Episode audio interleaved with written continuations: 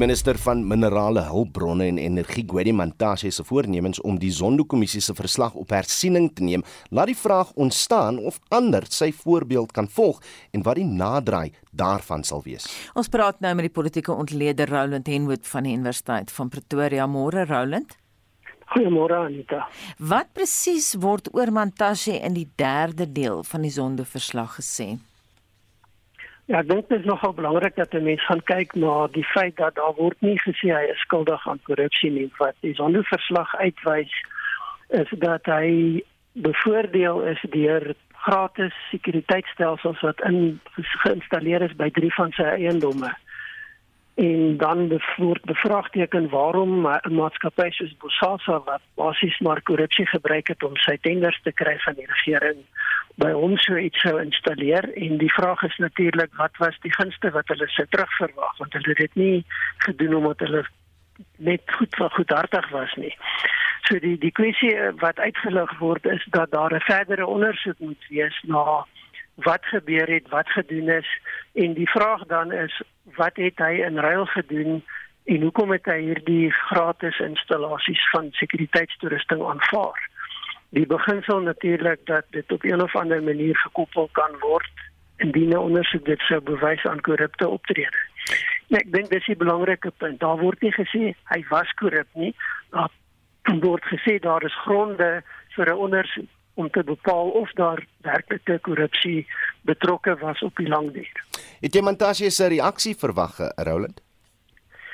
Ehm um, in 'n sin van dat hy nie korrup is nie en dit ontken ja, maar nie om nou al te sê ek vat die kommissie se verslag op ehm um, hersiening vir die hof nie. Dit dit is nogal 'n uh, redelike dramatiese ontwikkeling gegee wat besig is om binne die ANC in in die posisie van president Ramaphosa te gebeur. En dink jy dis 'n wyse stap? Ek dink dit gaan af van hoe mense daarna kyk. Vanuit 'n persoonlike oogpunt waarskynlik indien jy glo dat jy niks verkeerd gedoen het nie en dat dit 'n onskuldige skenking aan jou was, soos wat meneer Montashe probeer aanvoer het vir die kommissie, dan is dit waarskynlik belangrik as jy glo in jou onskuld, maar ek dink die tydsberekening ten beste is die tydsberekening heeltemal verkeerd. Ehm um, hierdie is 'n verslag wat uitgekom het rondom 'n spesifieke era. Daar moet nog 'n finale verslag kom. Die president moet nog die verslag bestudeer en aan die parlement gaan terugvoer gee oor wat hy beplan om te doen.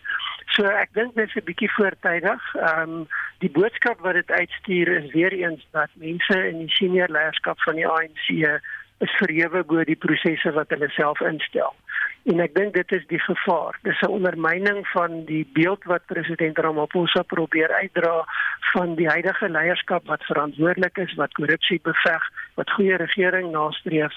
En nou kom een van die sleutelpersone wat binne daai konteks funksioneer en sê ek verwerp alreeds hierdie en ek gaan die ehm um, dan vir die die, die um, verslag vir die hof lê.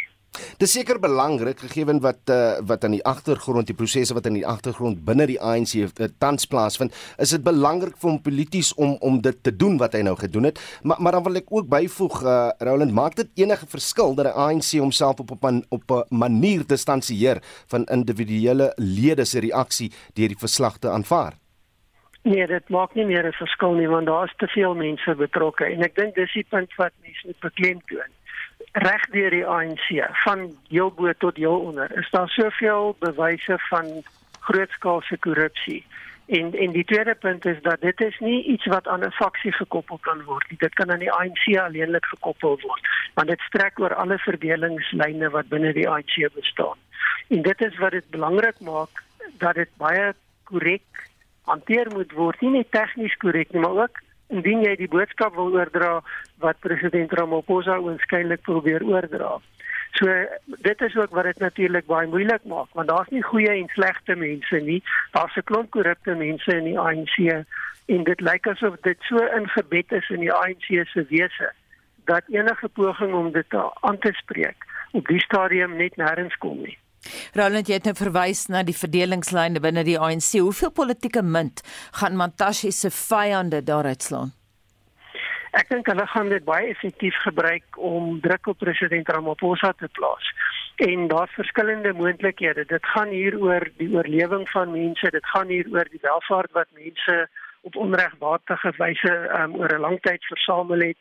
Dit gaan oor die politieke toekoms van 'n klomp rolspelers. So dit gaan definitief gebruik word om die druk op hom te verhoog. Wat dit moeilik maak is natuurlik dat president Ramaphosa waarskynlik op die stadium begin voel dat selfs die mense wat hy vertrou en wat na aan hom is, hulle beste doen om hom te ondermyn. En, en dit maak dit baie moeilik vir hom om te hanteer. Roland vir my se groot vraag is almal nou sonder verslae op hersiening neem gaan die nasionale vervolgingsgesag se ondersoekdirektoraat vir staatskapingsake nou met vervolgings voortgaan. Hulle sal kan voortgaan, maar dit kan beteken dat die patroon wat ons tot nou gesien het herhaal. Dit is dat elke persoon wat aangekla word, begin met hierdie uitgerekte proses van hofsaake om die proses te vertraag en te probeer in die wiele ry. Die die sou die kwessie natuurlik is tweeledig en en ek wil my nie op die regstegniese daarvan uitgee nie, maar ek dink is die koste wat dit meebring vir almal, ook vir die staat en in tweede plek hoe lank gaan dit toegelaat word dat in die naam van my persoonlike regte ek die regsproses kan misbruik. En ek dink dit is twee aspekte wat waarskynlik gaan moet aandag kry in hierdie proses. Ehm um, dit kan eenvoudig nie toegelaat word dat baie mense toegelaat word om dit te doen en ander dit nie kan doen nie. En en dis 'n wesenlike saak wat hanteer sal moet word. Die ander kwessie is natuurlik dat dit alles lam lê en dat niks gebeur wat hierdie probleme moet aanspreek. Ek dink wat belangrik is ook is dat ons nie uit die oog moet verloor nie dat daar's geweldige ehm um, was 'n woede wat teen die ANC as party begin opbou in Suid-Afrika. En ons sien dit by die stembus. Ons sien dat selfs in tussenverkiesings deurlopend is die ANC se stem ondersteuning besig om te daal. En as die party dit nie kan hanteer nie, gaan hy by die stembus waarskynlik ook 'n baie duur prys hiervoor betaal. Baie dankie en daai voorspelling kom van Roland Henwood. Hy's 'n politieke wetenskaplike verbonde aan die Universiteit van Pretoria. 19 minute oor 7. Die polisie sleep voete met die uitreiking van vuurwapenlisensies wat tot 2 jaar kan duur. 'n Nuwe hofaansoek is die afgelope week ingedien in 'n poging om die proses te versnel. Annelien Moses berig. 'n regspraktisyn wat die hof aansoek namens die vuurwapenbedryf ingedien het, Martin Hood, sê daar is groot probleme by die sentrale vuurwapenregister. Central Firearms Registry has for well over 2 years been in a state of disarray and decay. That has resulted in a considerable drop in service levels and people are waiting for up to 2 years to get their firearm licenses. And the only way that they can obtain firearm licenses is if a high court issues an order compelling the issue of licenses.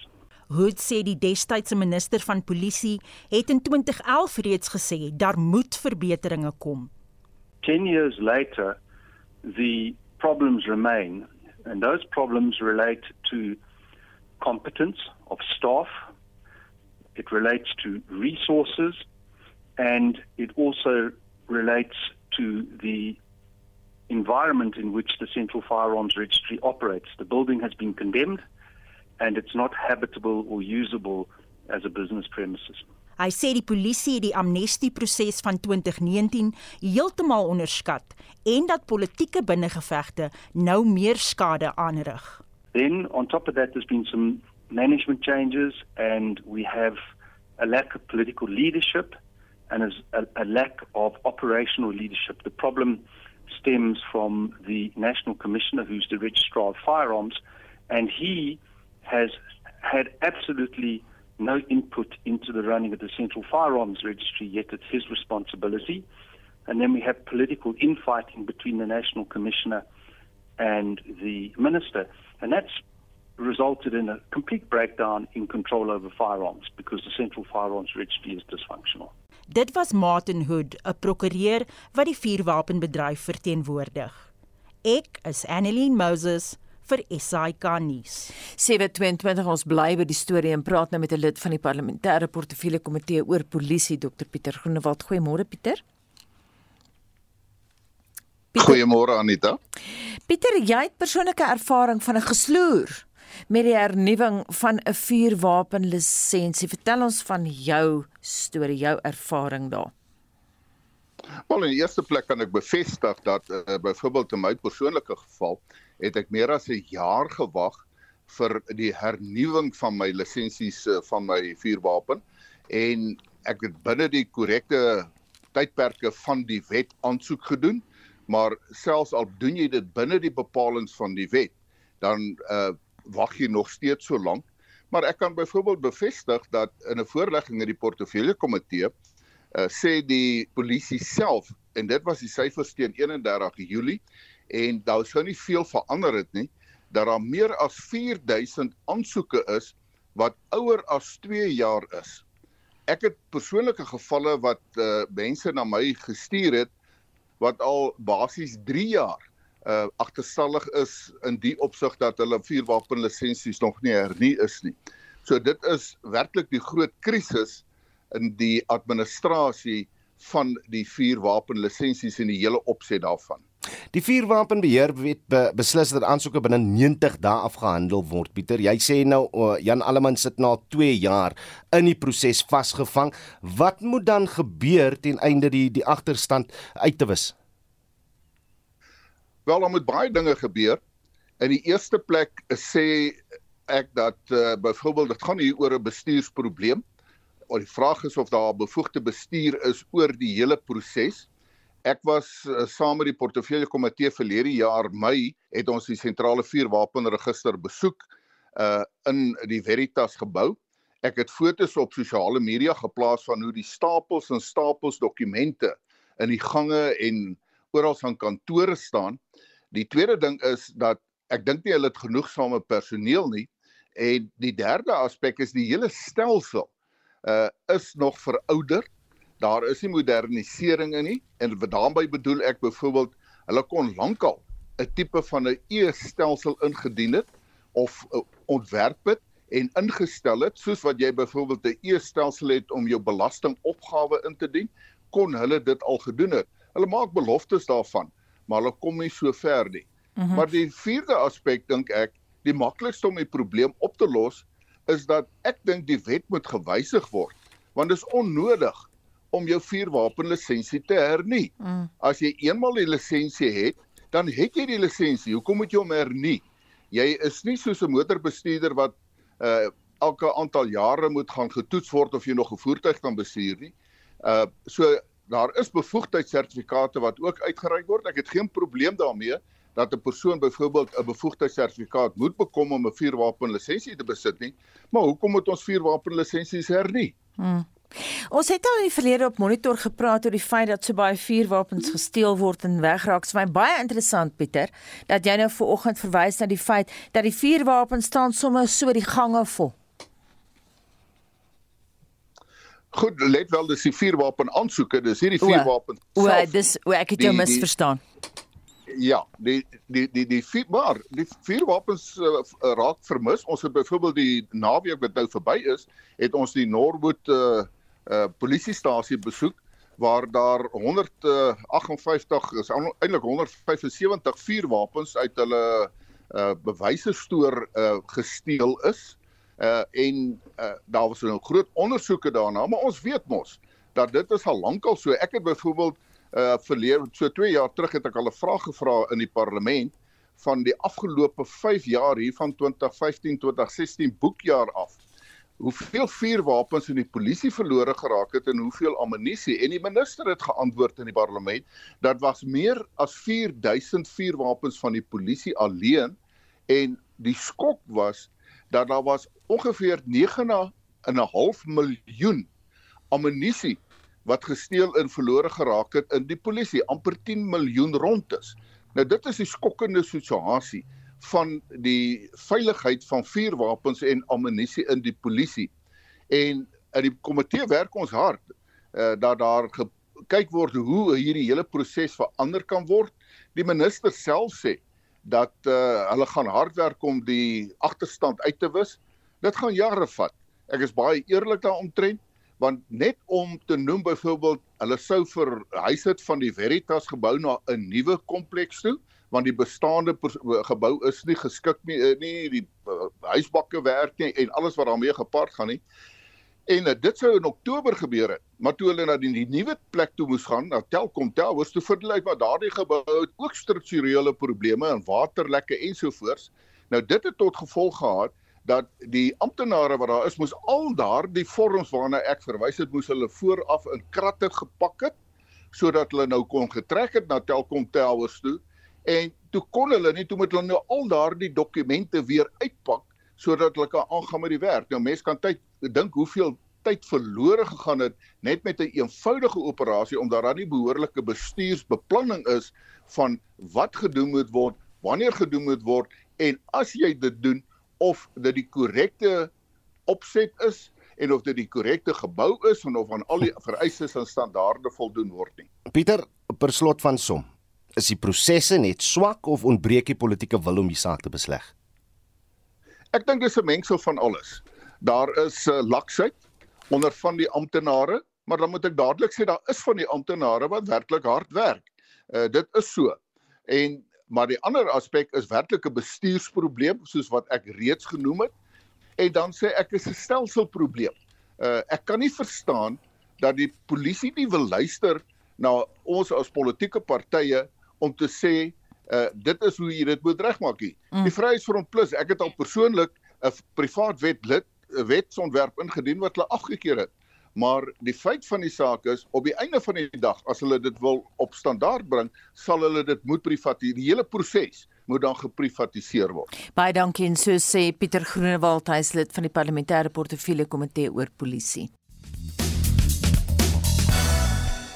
Ons praat vanoggend oor stygende kospryse. Ek moet sê Johnny, nie almal dink dis goedkoper om jou eie groente te verbou nie. Ja, dit hang seker nou maar af op watter skaal daai verbouing plaasvind. Mm. Nou ons praat oor die voorspelling dat voedselinflasie in die volgende paar maande skerp gaan styg en hoe jou besteding op kos en ander goedere verander het. Kom ons hoor 'n bietjie wat sê hulle. Ja, wel, ons het hierdie maand met minder units R300 meer op ons water en ligte rekening. Die units, want ek skryf elke maand die units van die boks af neer en ons stuur dit self in.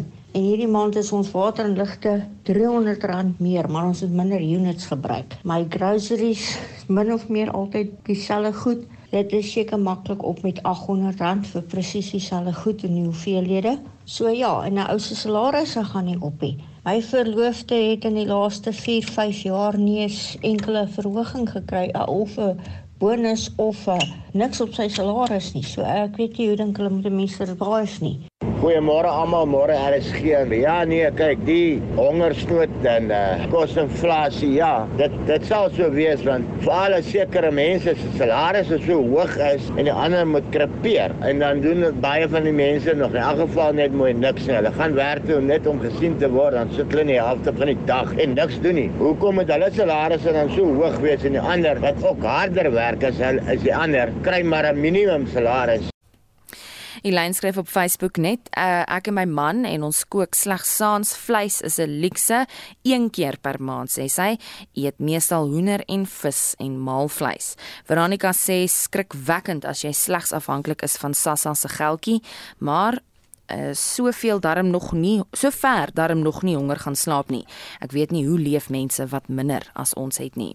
Anna de Villiers skryf ja, verseker, daar's te veel om op te noem wat ons glad nie meer kan bekostig nie. Vleis en blikkies vis is taboe en lyk like my een van die dae botter ook 'n baie hartseer situasie sê Anna. En nou wat sekere vleis en vis betref, sê die luisteraar is dit deesdae wenskopery. Môre, ja nee, voedselpryse is verstommend hoog. Ek moet sê eksotiese vis en kaas en vleissoorte is goeders wat ek nou maar net met my oë na kyk deesdae hoor. Ek en my ma my pa het laasweek hier na 'n winkelsentrum toe gaan in Denori, waar ons altyd goedjies gekoop het. Is dit nou so duur dat ons dit nie meer kan bekostig nie. Soos in verband met uh, soos met gemengde groente. Hulle is so duur. Maar geseënde dag vir julle almal van William in Denori. Nou ja, jy het nog 'n laaste kans om bietjie saam te gesels SMS vir ons jou mening na 45889 teen R1.50 per SMS. Jy kan ons 'n WhatsApp stemnota stuur na 0765366961 en dan kan jy ook gaan saampraat op ons Monitor en Spectrum Facebookblad.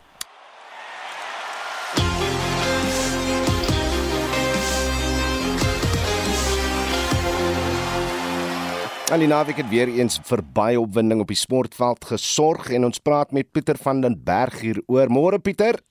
Môre sê Udo. Pieter, ek wil jou nou jou nou, ek wil jou nou nie onverhoeds betrap nie, maar kan ons miskien met die sokker begin sodat ek net die pyn agter die rug kan kry asseblief. Soweto Derby, Engeland se Premier Liga. Kan ons net daar begin asseblief? ons kan dit maklik doen. Nou ek weet nie waar lê die pyne nie. Ons gaan nou nie vir almal vertel waar die pyne lê nie, maar nou ja, in die Engelse Premier Liga gister is dit uh, Man City wat 'n groot oorwinning van 4 doele teenoor 1 behaal het oor Man United en uh, dit is uh, Watford wat op hulle tuisveld pak gekry. Arsenal was daar baas gewees met 3 doele teenoor 2. Op die punteleer is Man City nou op 69 punte, 6 punte voor Liverpool wat op 63 is met Chelsea in die derde plek op 53. En dan in die DStv se Premier Liga gister drie wedstryde gewees. Dit is uh, Marumo Gallants wat vir Stellenbosch geklop het met 1-0. Dan het uh, Golden Arrows pak gekry op hulle tuisveld Chippa United klop hulle met 2-1 en uh, Royal AM hulle het vir Swallows met 1-0 getroof. En net op jou uh, vraag waar lê die pyn? Die antwoord is oral. Rugby se fokus was die naweek op die plaaslike Karibieke reeks uh, en jy het Vrydag na 3 wedstryde verwys.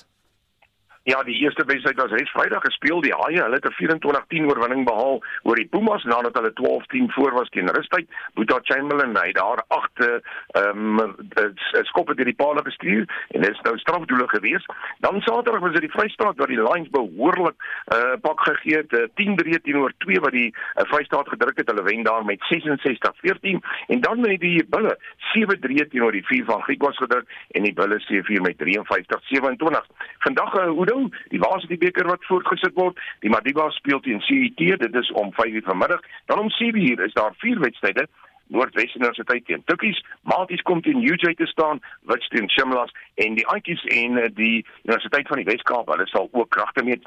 En dan wat atletiek uh, nuus aanbetref, ek sien Steven Makoka, hy het die wêreldrekord oor 50 km daar in Quebec verbeter na 2 uur 40 minute en 13 sekondes. Dis byna 2 minute vinniger as die vorige, uh, vorige wêreldrekord gewees. Dis fantastiese nuus. Uh, MotoGP aksie is uh, in Qatar hierdie naweek te sien uh, en ek sien dit's goed om te sien dat die Binder broers nou bietjie weer lus is. Ja, briljant om die mense te sê gister na die eerste wedren uh, in die MotoGP vir die seisoen dan in Qatar soos jy sê, Brad Binder wat sewende weggespring het, hy het baie gou na die derde plek verbeter en later opgeskuif na die tweede posisie. Hy het 'n foutlose wedren gejaag om die waarheid te sê en na 22 rondes dan tweede oor die eindstreep gejaag, 'n briljante begin vir die seisoen vir Brad. Dan Nia Bastianini van Italië, hy het eers oor die eindstreep gejaag, dan in die derde plek was dit Paul Espargaro op sy Honda en Marc Marquez, hy kon in die vyfde plek inneem, maar die uh, nuweling in uh, MotoGP Suid-Afrikaanse Dernbinder, hy het ook baie goed gevaar en 16de klaar gemaak in uh, daardie wedren. Op die golffront was die plaaslike fokus op Bloemfontein, maar daar was ook in Kenia en in Amerika stokke geswaai. Ja, en die sonskyn net so mans soos dit die Mangaung oop daar in Bloemfontein wat voltooi is. Uh Oliver Hannibal van Denemarke het op 2100 geëindig. Een nou beter as Tristan Strydom van Suid-Afrika asook Luke Jilling wat buite beide daar op 20 onder was. Dan die DP Wêreldtoer is dit die Keniaanse oop wat afhandel is. Ashwin Wu het met 4 houe geseëvier. Hy was op 1600 met 3 spelers op 1200 wat Suid-Afrika se Tristan Lawrence insluit.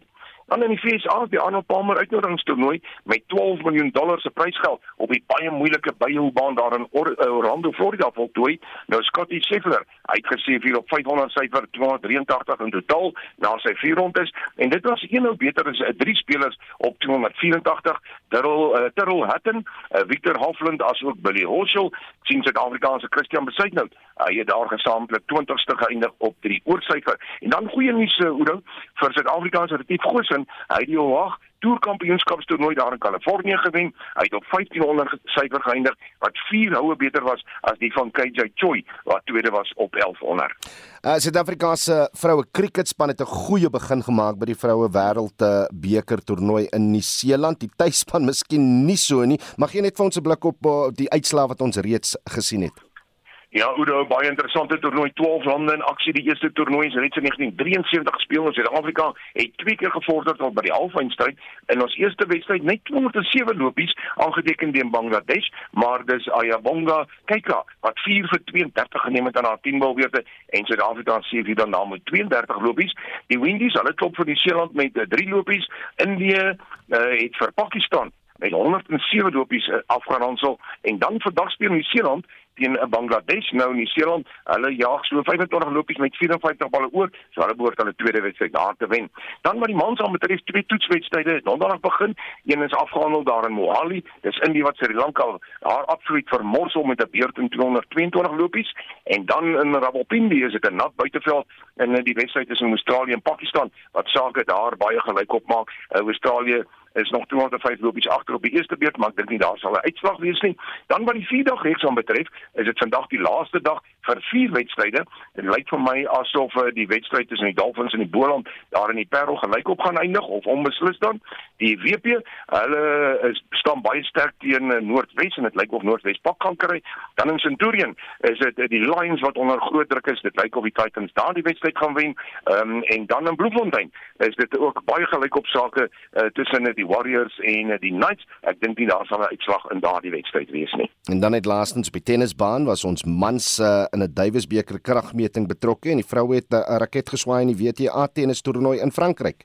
Ja, dan Lyon en dis die agste gekeerde Zhang Zhu van China wat haar derde WTA toer enkelspeltitel inpalm, toe sy Oekraïne se Diana uh, Jastramenska met 3-6-6-3-6-4 klop en dan uh, hierdie week is die aandag natuurlik by die die sogenaamde Paribas vroue toernooi daar in Indian Wells in Amerika en dan Suid-Afrika soos jy sê, nie goeie nuus nie, ons het in die Duitsbeker kragmeting teen Israel vasgeval, ons verloor daar met 3-1. Dit beteken dat Suid-Afrika weer hierdie jaar in die wêreldgroep 2 afdeling in aksie sal wees. Pieter van der Berg daar van RSG Sport.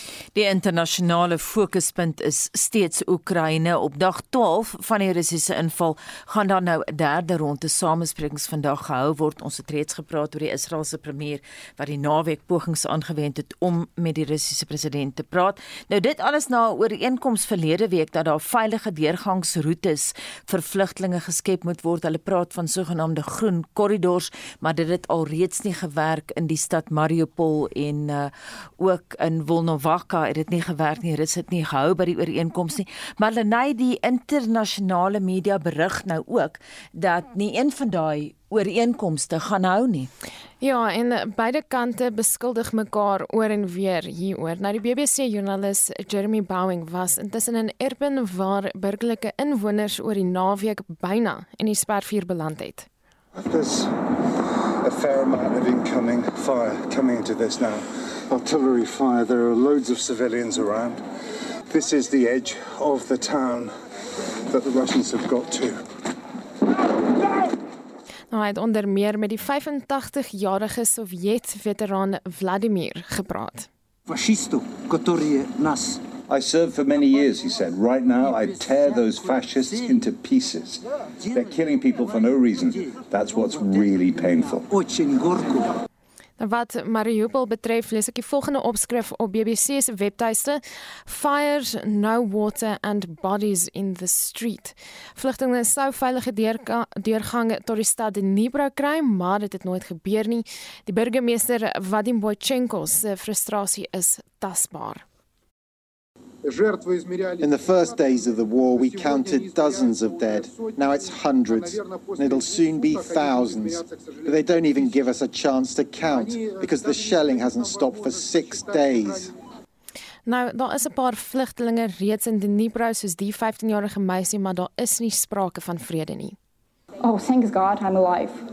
I can't sleep normally. I'm sleeping two or three hours every day because I heard bangs and I'm afraid I start shaking because I think, yeah, they're here and it's, it's very bad. Hm.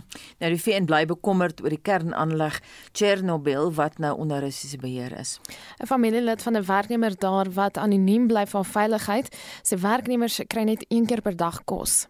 They can't sleep normally because, first of all, they have to work 24 per 7. Almost all their moves are controlled. I mean, they're not interrupted if they're working, but they can't move freely. They just always have to be convoyed by Russian army. 'n Kenner op die gebied van kernbeleid aan die Quincy Instituut, Joseph Sirichone, sê die omstandighede by die aanleg is kommerwekkend omdat dit 'n hoogspanningsvolle beroep is selfs in tye van vrede. Here you have these operators operating at gunpoint under the command of a Russian military officer who knows nothing about nuclear power plants, haven't been able to communicate with their families, haven't had a shift change since Thursday, operating under duress. It's a recipe for disaster. Dit was 'n kenner in 'n kernbeleid Joseph Sirichone. En intussen word die stemme teen die Russiese inval van Oekraïne al hoe sterker vir my baie interessant dat Switserland wat al die jare bekend is vir sy neutraliteit nou ook verlede week iets daaroor te sê gehad het. En ons sien in terme van sanksies ook Mastercard het mm, alle bedrywighede in Rusland gestaak, Marlenae. Ja, in Rusland self is ook heelwat teenstand. Minstens 4300 mense is die afgelope naweek in 53 stede in hegtenis geneem en dit is nou tydens betogings teen die inname en dan daardie sanksies waarvan jy gepraat het, van hulle sluit in Netflix, American Express, Visa, KPMG en PricewaterhouseCoopers. Amerika oorweeg intussen 'n totale verbod op die invoer van alle Brent-olie uit Rusland. Dit terwyl die brandstofreeks Shell heelwat kritiek ontvang omdat hy verlede Vrydag olie uit Rusland aangekoop het, glo maar daar geen ander alternatief is nie. Nou die prys van olie het intussen 'n 13 jaar hoogtepunt bereik en die relevante rolspelers waarsku dat dit hier in Suid-Afrika die plaaslike brandstofprys kan beïnvloed. Hulle waarsku dat mense kan kyk na so R40 per liter. Sjoe, en dit was Marlene by die jongste uit Oekraïne. Terug op tuisbodem, eienaars van sakeondernemings en infrastruktuurprojekte in Kimberley in die Noord-Kaap is gefrustreerd oor eindelose voorvalle van kabeldiefstal wat gereelde kragonderbrekings veroorsaak. Kabeldiefstal is 'n jarelange probleem en lei daartoe dat die Solplaatjie munisipaliteit nie elektrisiteit kan verskaf nie. Talle ondernemings sê hulle sukkel om kop bo water te hou. Annelien Moses berig. Die Noord-Kaapse Kamer van Koophandel sê dit is nie kostebesparend vir ondernemings om op kragopwekkers en ander bronne van elektrisiteit staat te maak nie. Bianca Botha van die Sakekamer sê ondernemings in die stad sukkel om staande te bly as gevolg van die kragonderbrekings. Een pak me mobile Mabija Road. As hulle die kabel steel, is die hele straat se krag af. 4 tot 5 ure 'n dag, elke derde dag dit kan nie so aangaan nie. Ons as besigheid het 'n vergadering met so plaatjies se uh, sy facilities ook gehad waar daar geen antwoorde gegee is nie. Daar is geld toegeken aan so plaatjie om kameras in die hele Kimberley Galeshoe omgewing op te sit by die hotspots waar die kabels gesteel word. Maar daar word niks omtrent gedoen nie. Dit kom al van 2019 af. Maar daar is nog nie een kamera geïmplementeer nie. Kabeldiefstal hou ook 'n bedreiging in vir 'n konstruksieprojek wat lae inkomste behuising verskaf. Die bestuurshoof van South African Swedish International Housing, Lungelo Hlangwana, sê daar is verskeie uitdagings. The theft of this bug service infrastructure by a syndicate, that's my thinking, of criminals is actually impacting negatively because it means, therefore, that every time you set up this infrastructure, it is distracted, it is stolen, and it is vandalized. And the government has again have to come back and reinvest and waste resources which we know are very scarce. Die Solplaatjie munisipaliteit sê die voortsleepende vandalisme van munisipale infrastruktuur is 'n groot bron tot kommer. 'n Woordvoerder, Selomatsi, sê hulle doen alles in hulle vermoë om verdere skade te verhoed. We've had special operations together with the police. We've used drone technology to even monitor those areas. What we're facing is serious gangs of organized crime. We as a society must take a stand against vandalism of municipal property.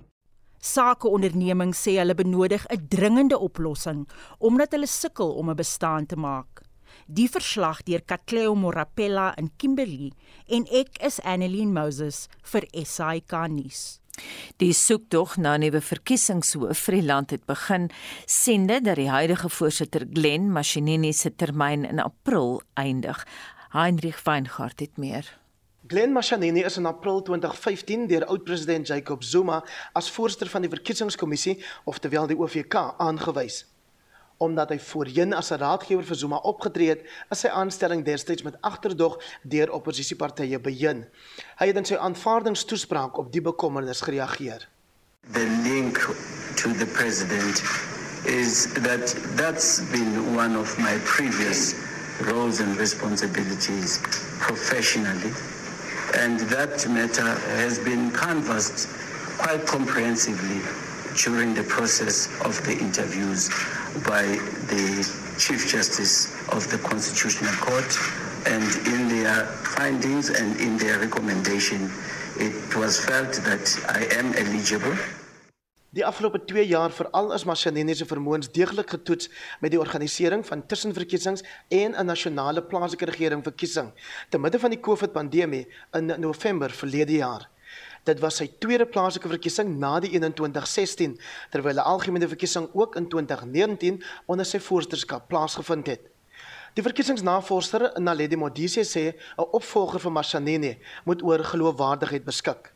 whoever the next chairperson of the IEC is, their reputation speaks to a large extent to the credibility of the IEC, especially also within the context of, you know, the state capture report and just uh, the infiltration of outside quote-unquote forces. There's a need now for more trust in public representatives and to a large extent the chairperson of the IEC is the face of the IEC. Die proses om 'n nuwe OVK-voorsteur aan te wys het reeds begin. Die publiek kon tot 18 Februarie nominasies indien, maar omdat slegs 2 weke hiervoor toegelaat is, het organisasies soos die Raad vir die Beskerming van die Grondwet, oftewel KASAK en My Vote Counts kapsie gemaak. Hulle wou hê die hoofregter moet die spertyd verleng. Potensiële kandidaate sal vir onderhoude genooi word deur 'n paneel bestaande uit die hoofregter en verteenwoordigers van die kantore van die openbare beskermer, die Menseregte Kommissie en die Kommissie op Geslagsgelykheid. Hierna sal 'n kort lys van 8 kandidaate aan die Parlement se Portefeulje Komitee oor Binnelandse Sake voorgelê word, sodat die komitee 'n aanbeveling aan die nasionale vergadering kan maak. Sodanige aanbeveling sal amptelik word indien die president die aanstelling goedkeur. Modise gee 'n mening oor die proses a very cumbersome process, I think that it is very important, especially because one of the responsibilities of the of the panel is actually transparency, is open um, and openness as well. So to ensure that once these recommendations are done, the person who is appointed is suitable in terms of qualifications and experience to take over the role of the chairperson. President Cyril Ramaphosa moet nog 'n nuwe hoofregter aanstel en nou word gevra of dit gepas sal wees as 'n waarnemende hoofregter die proses lei om 'n nuwe OVK hoof aan te wys. Wie ook al die pos kry, sal weens begrotingsbesnoeiings met minder geld as in die verlede moet klaarkom. Hierdie verslag is saamgestel deur Bosie Simombe en ek is Hendrik Weingart vir SAK nuus. Jamie, jy die vloer. Nee, die luisteraars het. Ja nee, kyk, daai ou spreekwoord, hè? en betaal. Wet van Transvaal het nou 'n wêreldding geword. Ons gaan maar betaal gaan ons. Jy van Randfontein, ja nee, wat dit gaan tog nie help om te kla nie. Kos word duurder, petrol word duurder, alles gaan op, op, op. Maar ek wens net ek kan uh, medikasie kry om my vir my salaris te gee want my salaris lê aan hoogtevrees. Ek moet nie opgaan nie. Ja, goeiemôre RSG, dis Pieter. Kos is verskriklik duur ja en ek stem saam. Ek weet nie waarna toe ons beweeg nie, maar kom laat ek vir jou sê as plan A nie werk nie, dan moet plan B werk. Ek wil aan die uh luisteraar sê en ek ook selfe tyd raad ook gee dit is om jou maag te vul en dat jy langer of sal ek sê minder uh, maaltye het. Pap en aardappels hulle noem dit oupa. As jy so 'n piering vol van hom geëet het hy lê so vas jy eet eers weer oor 2 dae. So ons moet iets uitfigure dat ons minder eet. Maak vir jou oupa en dan gaan ons die waarde hier draf trek. Dankie. Nou ja, ons bedank julle vir julle saamgesels vanoggend en ons maak môre oggend weer so. Marlenae, met die dagboek, wat kan ons verwag op Spectrum? Nuwe vrese dat die olieprys en gevolglik die brandstofprys nog verder die hoogte in kan skiet. Ons het gesê daar's mense wat voorspel dat ons R40 'n liter kan kos. Lisensiekantore is nog gesluit weens voortsepende stakings, maar gaan 'n besoek vandag deur die minister van vervoer enige oplossing bied. En wees versigtig oor watter werksowante WhatsApp boodskappe jy uitvee want dit kan jou jou werk kos. As jy nuuskierig is, skakel vanmiddag in tussen 12 en 1 hier op RSG. Onthou vorige uitsendings van Monitor is op RSG se webblad is 'n potgooi beskikbaar. Gaan net na www.rsg.co.za. En ons groet nou namens ons uitvoerende regisseur Nicoline de Wee, ons redakteur vanoggend Jean Esterhuizen, ons produksieregisseur was Daitron Godfrey. My naam is Anita Visser En ek is Oudo Karelse.